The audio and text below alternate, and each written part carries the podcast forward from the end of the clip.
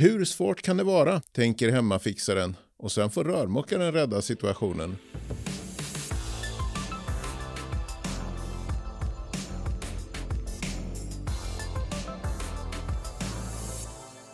Välkommen till VVS-poddens avsnitt om hemmafixarnas misstag. Jag heter Fredrik Karlsson och är chefredaktör på tidningen VVS Forum. Och med mig har jag min sidekick Natalia Strandberg, ledande montör på Nytorps Rör. Hej Natalia! Hejsan Fredrik! Hur är läget? Det är bra, det är soligt, äntligen sommar. Ja, har du några innejobb då? Ja, Eller utejobb? Nej, tyvärr innejobb. Så Ja. att, eh, jag får inte njuta allt för mycket mer än på lunchen. Nej, men det kan nästan bli lite väl varmt. Jag satt ute på lunchen där och det, solen gassade. Ja, just den lokalen jag befinner mig i nu har inte fläktsystemet igång så att det blir lite bakugn. Det blir lite varmt. Du, vi kastar oss över dagens ämne som är hemmafixarnas misstag. Och eh, jag tänkte börja med, du har ju gått på jour eh, en del. Ja, över tio år totalt. Oj, oj. Vad är det konstigaste du har varit med om då? Det finns en hel del konstigt man har varit med om, men eh, väldigt gärna lite hemmafix, eh, överraska frugan där det inte kanske gick som det skulle egentligen. Okej, okay. uh, uh, du berättade för mig innan också om någon som skulle ha hjälpt med någon duschslang. Hur var nu den historien? Ja, jag får ett samtal om att eh, en kund har eh, en slang som inte fungerar och då kommer följdfrågor. Vart någonstans finns slangen? Ja, den är inne i duschen. Är det en anslutning? Nej, det är till duschen. Okej, eh, men eh, är det enda duschen? Det är inte så att du har badkarsblandare så du kan använda badkarsblandaren under tiden. Nej, nej, nej. Det, jag vill använda det här badrummet. De andra två badrummen är inte mina. Så jag vill att du kommer och byter duschslang. Ja, men du vet, det är jourutryckning. Det kommer kosta dig ett antal tusenlappar. Jag befattar mig inte med sånt där, så kom hit nu. Så att ja, det var bara okej, här, varsågod, skriv på fakturan. 150 kronors duschslangen var ett antal tusenlappar. Där ser man. Men eh, det finns ju faktiskt en del som befattar sig med saker som de kanske inte borde befatta sig med också. Om man tänker åt andra hållet. Ja, jo. När man vill fixa och göra saker, men man kanske inte tar reda på allt. Och så kan det bli lite snabbt och fel Ja, istället. att vara rörmokare är, det är ju en profession. Ja, Och ni har ju utbildning och erfarenhet och sådär. Och det, det märks ju ibland att alla som försöker inte nej. har det. nej, alla kan inte allting. Men det gäller ju även i vårat skrå. Att eh, det finns de som är bara entreprenadsrörmokare och så finns det servicerörmokare och sen blandning. Ute, ute i landet så är det ju fler rörisar som gör allt möjligt. Här i Stockholm så kan man ju göra en inriktning helt enkelt och bara hålla på med en enda grej. Men sen så är det just det här med service att eh, man behöver lite fler delar än vad byggvaruhandeln erbjuder. Och då blir det lite ihopplock av allt möjligt och man tätar på alla dess konstiga vis för att kanske farfar visade att så här kunde man göra. Och då försöker man också och så blir det lite fel. På vilket sätt kan det vara tätat då, menar du? Eh, gärna gängtejp på konkopplingar. Det är något som fascinerar varje gång man kommer. Att, ja, men om det är otätt så är det ju någonting annat som inte stämmer. Kanske fel dimension på röret i kopplingen. Det glappar för mycket. Ja, men kan man inte bara använda lite mer? Eh, nej, det läcker ju nu. Du måste ha rätt kopplingar. Eller eh, materialgods som blandas väldigt friskt, vågat. Det som ligger i garaget i den där bra hallådan Eh, som inte alls kommer överens med vårt kallvatten. Rostar sönder direkt. Sen har vi ju... Vattenlås är ju egentligen den mest populära som kan bli riktigt galet. Alla vill gärna undvika ringa efter en spolfirma eller en rörmokare, fastighetsskötare. Och det slutar med att man har plockat isär allting, gjort rent allting och sen får man inte ihop det. Vi har ju nämnt det, man fotar, fotar så mycket som möjligt innan om man ska ge sig på det själv. Mm. Det ser ju inte lyssnarna för dem. Det här är ju radio, men jag står där och ler lite för jag har faktiskt gjort det där misstaget själv. Ja. Att jag inte fick ihop det. Jag hade kopplat någonting eh, lite fel. Men sen var det en annan gång också som det faktiskt visade sig att jag till slut gav jag upp och tänkte att det här kommer aldrig att bli tätt. Så jag fick åka och köpa ett nytt sån där pungvattenlås och Ah. eh, då var det lösningen att det faktiskt hade blivit slitet. Så. Ja, ja, ja, ja. Vattenlås har ju en förmåga att att eh, i alla fall vita vattenlås har ju förmåga att torka av eh, dels utrymmet men även sol brukar ju finna, lysa in. Och under handfatet så brukar det vara mer att det kommer åt och det torkar och det blir fina sprickor. Så hårfina så att man ser ju inte dem ens. Man ser bara att det läcker, men inte varför. Nej, man kan ju hålla på att bli tokig där. Mm. Eh, jag, jag, har ringt en, eh, mejlat en tillverkare en gång, men jag har inte behövt ringa en rörmokare Nej. Så länge för eh, just den saken. Alltså. Ja. Men eh, det finns andra som har hamnat illa till. Finns det något mer exempel på vad hemmafixare kan ha ställt till med?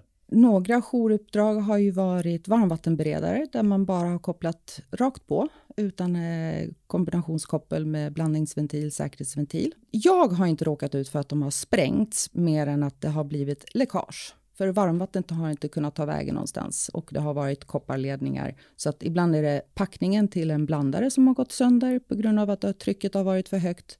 Kallvatten som värms upp blir ju större. Därför har man säkerhetsventilen, för det ska ju svettas ut lite grann. Och har den ingenstans att ta vägen så tar den ju lättaste vägen och det kan vara en gammal kranbröstpackning som bara skjuter upp istället. Okej, jag hängde inte med riktigt, men jag tror lyssnarna hängde med bättre än... Eh, men jag ska försöka undvika att göra misstaget i alla fall. Nej, inte koppla varmvattenberedare utan eh, ventilkoppel helt enkelt. Nej. Är det någonting annat? Lite grann är ju när man eh, återbrukar material. Och då pratar vi porslin, blandare, där man eh, inte har kollat skicket ordentligt utan bara tagit med sig och tror att ja, men, den har stått i en lada, fin färg. Jag har inget, absolut ingenting emot återbruk av porslin. Det finns firmer som eh, bara jobbar med att hämta och restaurera. Men då har de ju kollat i alla fall materialet. Men sen så är det folk som köper det på Blocket, eh, Marketplace och då kan variationen vara väldigt stor på hur skicket är. Riktigt fina toaletter går ju fortfarande att laga. Det finns reservdelar att hitta mm. så att mm. man kan återbruka. Och sen så är det ju det här att eh, ett vanligt fel är att man använder de gamla gummin som ska täta mot golv eller mot vägg och det spricker och det blir läckage överallt. Och just en toalettstol kanske man inte vill att fekalier ska åka ut på golvet. Och gärna inte om man har silikonerat att det kommer ut långt, långt, långt senare. Bara luktar någonstans. Det vill man ju inte. Nej. Oj. En hel del som kan bli fel och jag tänker också att eh, du brukar ju säga att du brukar fråga på grossen och så, men det kan ju inte privatpersoner göra och i byggvaruhandeln kanske man inte får lika bra råd som hos grossen. Det har blivit betydligt bättre. Eh, men många som jobbar inom bygghandeln på, som privatpersoner får handla är ju, man byter av varandra. Så är man på VVS-avdelningen så kanske man är på byggavdelningen, kakelavdelningen, utemöbler, utemaskiner. Så det, det är inte alltid att det är en specialist, en rörkunnig som man frågar. Nej. De har ju sitt eget sortiment och de är ju inte alltid kompatibla med det som kanske redan sitter. Och då blir det ju otätt ändå, tyvärr, allt för ofta. Det har börjat eh, bli dags för att runda av det här programmet. Du ska ju vidare på nya uppdrag. Ja, och, jag, ska, eh, jag ska fortsätta komplettera. Ja. Det är kul, jag får bocka rör. Ja, jag ska kliva ner till redaktionen och se vad vi kan eh, hitta på där för roliga uppslag. Men tack för att du kom idag. Och eh, efter pausen här så kommer man ju höra en expert också som pratar ännu mer om eh, konsekvenserna av hemmafixares eh, missar. Ja. Hej då! Hemmafixarnas misstag pratar vi om i VVS-podden idag. Och nu har jag ringt upp Johan Apel på Dalarnas försäkringsbolag inom Länsförsäkringar. Välkommen till VVS-podden. Ja, tack för det. Tack för det. Vi har ju pratat om hemmafixare här. Finns det en stor eh, hemmafixareffekt eh, inom försäkringarna som ni ser? Om man eh, tänker tillbaka några år så, så kom ju den här, eh, vi kallade den för den risken för Timell-effekten när eh, äntligen hemma drog igång och alla började renovera hemma. Och eh, man trodde då liksom att nu kommer vi att få se effekterna av det här när hemmafixare ska dra vattnen i, i köken och renovera. Men eh, som vi har sett så, så uteblev den effekten. Och jag tror att det kan bero på att eh, just det här med VVS är ganska komplicerat. Man, eh, man är lite rädd för att, och man kanske inte ens vet vad man får göra och inte. Visst, jag har sett och effekterna av när hemmafixare ska, ska renovera. Och det tror jag alla som, som eh, har jobbat i försäkringsbranschen eh, med skador och förebygg och även VVS-branschen har sett det här. Ja, vad har du sett för någonting? ja, vad har jag sett? Jag har sett det mesta. Alla, allting man kan tänka sig tror jag. Eh, jag har jobbat med det här i snart 15 år. Man kan ju använda vattenledningsrör, alltså sugrör. Man kan använda trädgårdsslangar. Eh, jag har sett petflaskor som vattenlås. Det finns nog alla varianter. Petflaskor som vattenlås, det låter ju intressant. Och så lite tejp för att lösa det kanske? Precis, den var ju liksom ihoptejpad med en trädgårdsslang då och gick ifrån ett handfat. Och det var ju faktiskt så att det var ingen skada utan det var upptäckte det i samband med en besiktning bara så.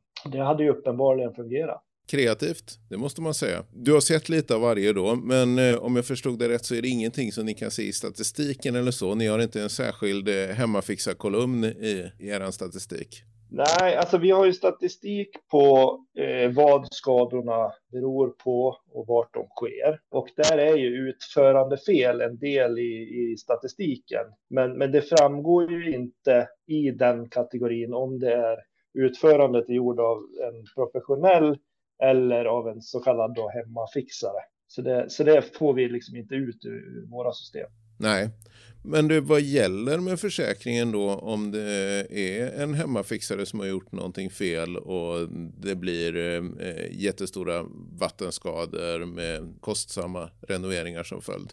Ja, det är ju aldrig roligt att få en skada till att börja med, men vi har ju ett försäkringsvillkor eh, och det är ju liksom själva avtalet mellan försäkringstagaren och eh, försäkringsbolaget. Och i det villkoret så står det då att man ska följa gällande bygg och branschregler och eh, monteringsanvisningar. Vi ställer liksom inte krav på vem som utför arbetet utan snarare då hur arbetet utförs. Det vill säga då om man utför arbetet själv som en hemmafixare och gör ett fel som sedan orsakar en skada så riskerar man ju att bli utan ersättning. Eh, och när jag säger fel då, så menar jag att eh, man har gjort en installation som inte uppfyller de här gällande bygg och branschreglerna eller kanske monteringsanvisningen. Så om du istället då anlitar en auktoriserad VVS-installatör eller en entreprenör eh, som utför det här jobbet och den då i sin tur orsakar skadan så skulle då den entreprenören eller installatörens ansvarsförsäkring ta kostnaden för återställande av skadan. Då. Så det är så det fungerar ungefär. Gör du en installation själv och orsakar en skada, i worst case får du ingenting i ersättning. Och, eller, och anlitar en, ett företag så hamnar det på dens försäkring istället. Ungefär så. Ja, så det kan ju ha betydelse då att inte försöka ge sig på någonting som man inte vet om man klarar av om någon annan klantar sig så är det någon annan som får betala också. Exakt, jag brukar säga så att eh, vissa grejer får du ju inte göra. Du måste ha behörighet för fasta elinstallationer till exempel. VVS, det, det får du ju göra allting själv. Men så länge du kan och vet vad du gör. Man kan ju inte bara chansa. Jag menar, och det här är ganska komplicerat. VVS-branschen och alla detaljer och installationer. Eh, det finns ju tusen olika varianter eh, och system som man inte får blanda. Och det, det är ganska lätt att göra fel. Så här gäller det verkligen att man tar reda på hur man får göra, vad man får göra och, och vilka grejer man ska använda. Eller anlita en professionell som vet vad han gör. Och ja. då rekommenderar jag alltid att man ska anlita en, en VVS-installatör som är auktoriserad av branschorganisationen Säker Vatten. Då, då har de ju åtminstone gått en utbildning och eh, har skrivit på att de ska följa branschreglerna som vi hänvisar till att man ska göra. Jag kan bekräfta det där att det är svårt. Jag vet inte hur händig du är, men själv har jag försökt att bara göra rent eh, vattenlåset under diskbänken och eh, misslyckas med att få det tätt igen. Så att eh, jag skulle inte våga ge mig på större saker än så. Hur är det med dig? Nej, precis. Det är inte jag som har petflaskan som vattenlås kan jag tillägga, men eh, vattenlås kan jag göra igen, absolut. Men det var bra, då har vi fått lite information om detta. Jag sammanfattar att du har sett eh, exempel på extrema saker som hemmafixare har försökt ge sig på. Ni har ingen statistik på det, men eh, det är ju så att man måste veta vad man gör. Och det viktigaste är att om man låter någon annan göra det så är det dens försäkring som får ta smällen om det blir fel också. Ja, precis. Jag skulle ja. önska att jag hade en kategori för sådana hemmafixarfel som orsakar skador, men det har jag inte. Okej, men mycket vattenskador, det blir det, eller hur? Ja, och jag tänker, för nu när vi pratar om, om hemmafixare och de skador som orsakas av, av sådana, då är vi nog i utrymmen eh, som inte är våtrum. Alltså, för renoverar man badrummet, då generellt sett så, så tar man in entreprenörer som utför jobbet, för då blir det så mycket att hålla reda på. Det är tätskikt och platssättning, vatten, el, allting. Men köket har ju liksom blivit en sån här äh, mera, ja, men du kan åka till Ikea och beställa ett kök och sen ska du installera det själv. Du får beskrivningar för hur det ska utföras. Men det finns ju ingen eh, liksom, anvisning på att du ska ha någon form av vattentätt golv eller då är du inne på byggregler och står eh, byggreglerna kan man ju kanske inte som en privatperson. Man har ju ingen aning om vad som står i Boverkets byggregler till exempel. Men, men eh, våra, våra villkor hänvisar till att de ska gälla. Det blir ju konsekvensen då om du gör ett fel som resulterar i, en, i ett läckage. Eh, om du ska bara sätta dit en blandare till exempel och skruva dit och det blir ett läckage som rinner ut på golvet, ja då blir det ju en skada. Gör du samma i ett badrum så har du ju tätskikt och en golvbrunn, så där uppstår ju inte skadan. Så det blir väl i främst köket jag tänker som man ser de här typerna av eh, problem. Just det. Om man installerar vattenanslutna kylar och frysar och det är diskmaskiner och allt möjligt. Exakt. Jag lyssnade på en tidigare ett avsnitt av er podd eh, som handlade om, eh, om köket. Och, ja. och, vi har ju varit inne på köket. Köket är ju vårt utrymme som, som vi har flest skador i. Och det ser ju inte ut att bli bättre, utan snarare tvärtom. Det blir bara mer och mer skador i kök. Ja. Eh, och där vill jag mena att den, den liksom viktigaste åtgärden man kan göra där för att förebygga en skada, det är att ha en golvbeklädnad då i köket som, som tål vatten. Alltså ett vattentätt golv som är uppvikt på vägg. Och det, det, det, räcker liksom inte med att ha ett underlägg under installationen eh, som har till uppgift att leda ut vattnet på ett golv som inte tål vatten. Nej, och, och, samtidigt då öppna planlösningar och det är parkettgolv som löper från kök in i vardagsrum och hall och allt möjligt då också. Ja, ett, ett litet, litet läckage kan ju få till följd av att vi måste riva ut 120 kvadratmeter parkettgolv. Ja. Eh, men har du då ett golv som tål vatten så, så är det ju bara ett läckage. Det är bara att åtgärda läckaget. Det blir ju liksom ingen skada. Och det, och det tycker jag man eh, bör ta till sig och fundera över hur man utformar sina kök, hur man skulle vilja ha det. Ja. Det var ett litet medskick. Ja men bra, då har vi ett bra medskick där också för att undvika vattenskador i kök. Där flest vattenskador inträffar och de, precis som du säger så ökar de. Tack Johan Apel, Dalarnas Försäkringar för att du var med i VVS-podden idag. Tack så mycket för att jag fick vara med. Hej hej. Hej.